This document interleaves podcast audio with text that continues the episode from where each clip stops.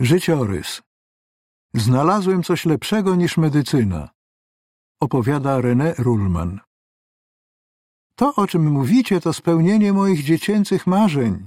Wykrzyknąłem z entuzjazmem do dwojga pacjentów. Było to w roku 1971, gdy jako świeżo upieczony lekarz otworzyłem swój pierwszy gabinet. Kim byli ci pacjenci i o jakie marzenia chodziło? Pozwólcie, że opowiem, jak ta rozmowa zmieniła moje życiowe priorytety i dlaczego uwierzyłem, że moje marzenia z dzieciństwa wkrótce się spełnią. Urodziłem się w roku 1941 w Paryżu. Nasza rodzina nie należała do bogatych. Lubiłem się uczyć, więc wyobraźcie sobie, jak bardzo byłem rozczarowany, kiedy w wieku dziesięciu lat zachorowałem na gruźlicę i musiałem przerwać naukę w szkole. Lekarze zalecali mi leżenie w łóżku, żebym oszczędzał płuca. Dlatego kilka miesięcy spędziłem na czytaniu słownika i słuchaniu audycji edukacyjnych nadawanych przez Radio Sorbona. Kiedy mój lekarz w końcu powiedział, że jestem zdrowy i mogę wrócić do szkoły, byłem przeszczęśliwy. Pomyślałem sobie, lekarze dokonują cudów. Od tego momentu zacząłem marzyć o tym, żeby leczyć ludzi. Za każdym razem, gdy tata mnie pytał, co chciałbym robić w życiu, odpowiadałem: Chcę być lekarzem. Tak oto medycyna została moją pierwszą miłością. Wiedza naukowa przybliża mnie do Boga. Nasza rodzina była katolicka, ale tak naprawdę mało wiedziałem o Bogu i miałem wiele pytań, na które nie znajdowałem odpowiedzi. Dopiero na studiach medycznych nabrałem przekonania, że życie zostało stworzone. Pamiętam, jak po raz pierwszy oglądałem pod mikroskopem komórki tulipana.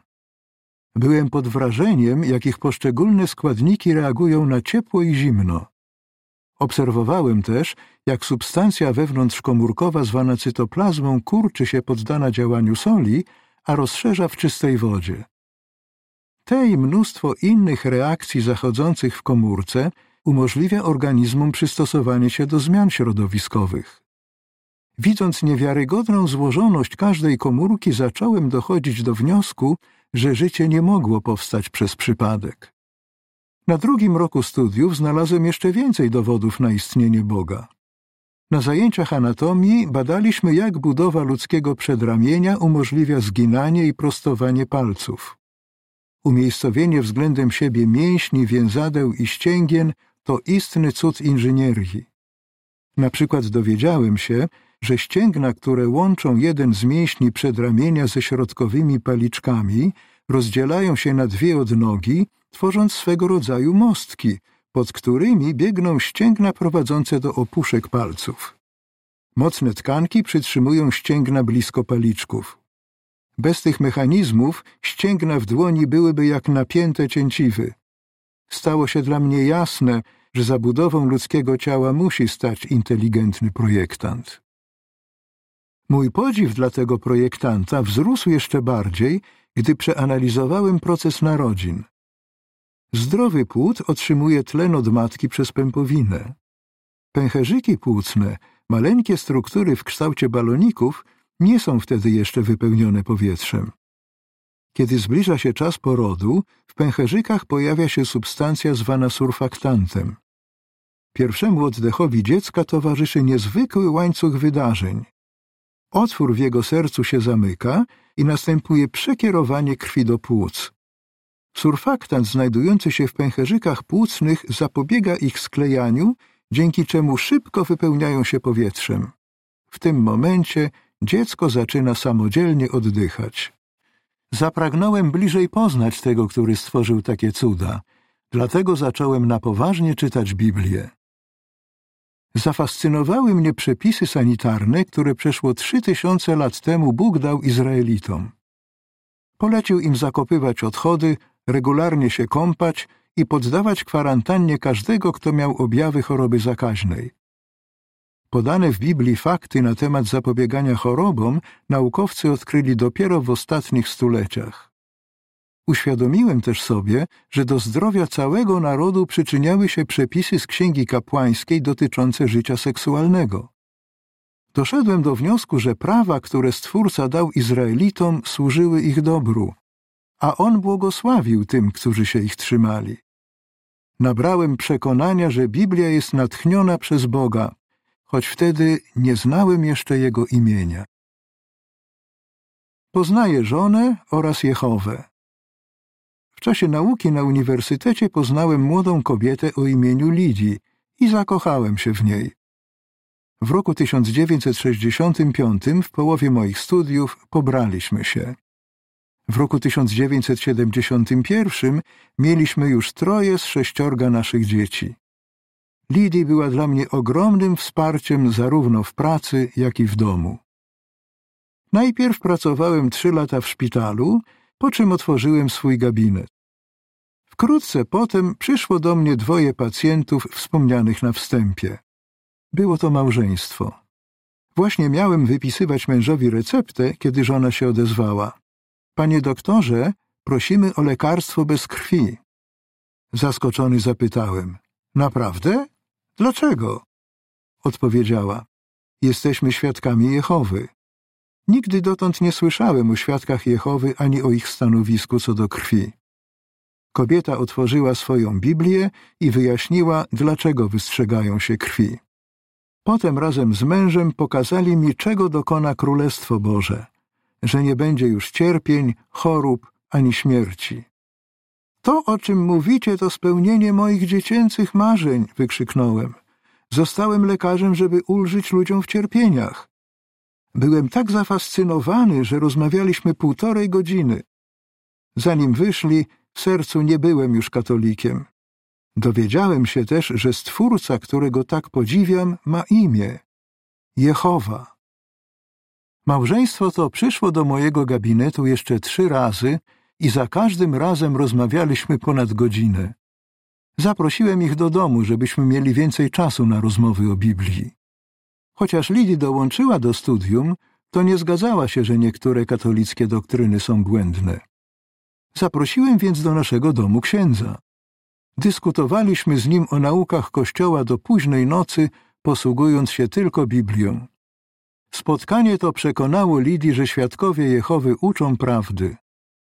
Od tamtej pory nasza miłość do Jehowy Boga coraz bardziej rosła i w roku 1974 zostaliśmy ochrzczeni. Stawiam Jehowę na pierwszym miejscu. To, czego dowiedziałem się o zamierzeniu Boga co do ludzi, wywarło ogromny wpływ na moje priorytety. Służenie Jehowie stało się dla mnie i Lidii treścią życia. Byliśmy zdecydowani wychowywać dzieci zgodnie z zasadami biblijnymi. Miłość do Boga i do bliźnich bardzo zjednoczyła naszą rodzinę. Lidii i ja często z uśmiechem na twarzy wspominamy, że nasze dzieci dobrze wiedziały, czego mogą się po nas spodziewać. Rozumiały, że w naszym domu obowiązuje zasada podana przez Jezusa. Niech wasze słowo tak znaczy tak, a wasze nie, nie. Mateusza 5:37. Na przykład, kiedy jedna z naszych córek miała 17 lat, Lidii nie pozwoliła jej wyjść z grupą znajomych. Ktoś z tej grupy powiedział: Jak mama nie chce cię puścić, to poproś tatę. Ale córka odparła: To nic nie da. Oni zawsze się ze sobą zgadzają. Rzeczywiście, cała szóstka wiedziała, że jeśli chodzi o stosowanie się do zasad biblijnych, jesteśmy jednomyślni. Dziękujemy Jehowie, że dzisiaj nasza liczna rodzina wiernie mu służy. Odkąd prawda zmieniła moje priorytety, chciałem wykorzystywać swoją wiedzę medyczną dla dobra współwyznawców. Zgłosiłem się więc do współpracy z Betel jako lekarz.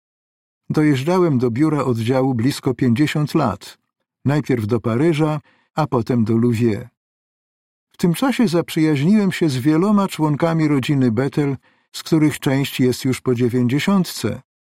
Spotkała mnie też miła niespodzianka. Pewnego dnia poznałem nowego Betelczyka. Okazało się, że jakieś dwadzieścia lat wcześniej odebrałem jego poród. Przekonuję się, jak bardzo Jehowa dba o swoich sług. Przez lata moja miłość do Jehowy jeszcze bardziej się pogłębiała, gdy obserwowałem, jak kieruje on swoimi sługami i chroni ich za pośrednictwem swojej organizacji.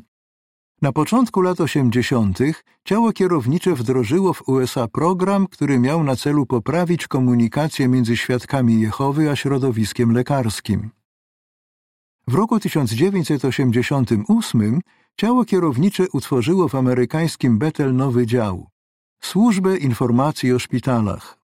Miał on nadzorować pracę Komitetów Łączności ze Szpitalami, KUS, które powołano, żeby pomagały naszym współwyznawcom skorzystać z odpowiedniej opieki medycznej. Z czasem komitety te powołano na całym świecie, również we Francji. Byłem pod wielkim wrażeniem, jak organizacja Jehowy z miłością wspiera w potrzebie chorych braci i siostry. Marzenia się spełniają. Moją pierwszą miłością była medycyna. Ale kiedy przeanalizowałem swoje priorytety, zrozumiałem, że najważniejsze jest leczenie ludzi pod względem duchowym, pomaganie im w pojednaniu się z Jehową Bogiem, który jest źródłem życia. Kiedy przeszedłem na emeryturę, razem z Lidii każdego miesiąca spędzaliśmy wiele godzin na głoszeniu o Królestwie Bożym jako pionierzy stali. Obecnie wciąż dajemy z siebie tyle, ile możemy w tej ratującej życie działalności. Dalej robię co mogę, żeby nieść pomoc chorym. Ale wiem, że nawet najlepszy lekarz nie jest w stanie wyleczyć wszystkich chorób ani zapobiec śmierci. Dlatego wyczekuję czasu, gdy ból, choroby i śmierć znikną na zawsze. W tym szybko zbliżającym się nowym świecie będę mógł już wiecznie uczyć się o Bożych dziełach stwórczych, między innymi o niesamowicie zaprojektowanym ludzkim ciele. Tak naprawdę moje dziecięce marzenia spełniły się tylko częściowo. Jestem przekonany, że wszystko co najlepsze jest jeszcze przede mną. Koniec artykułu.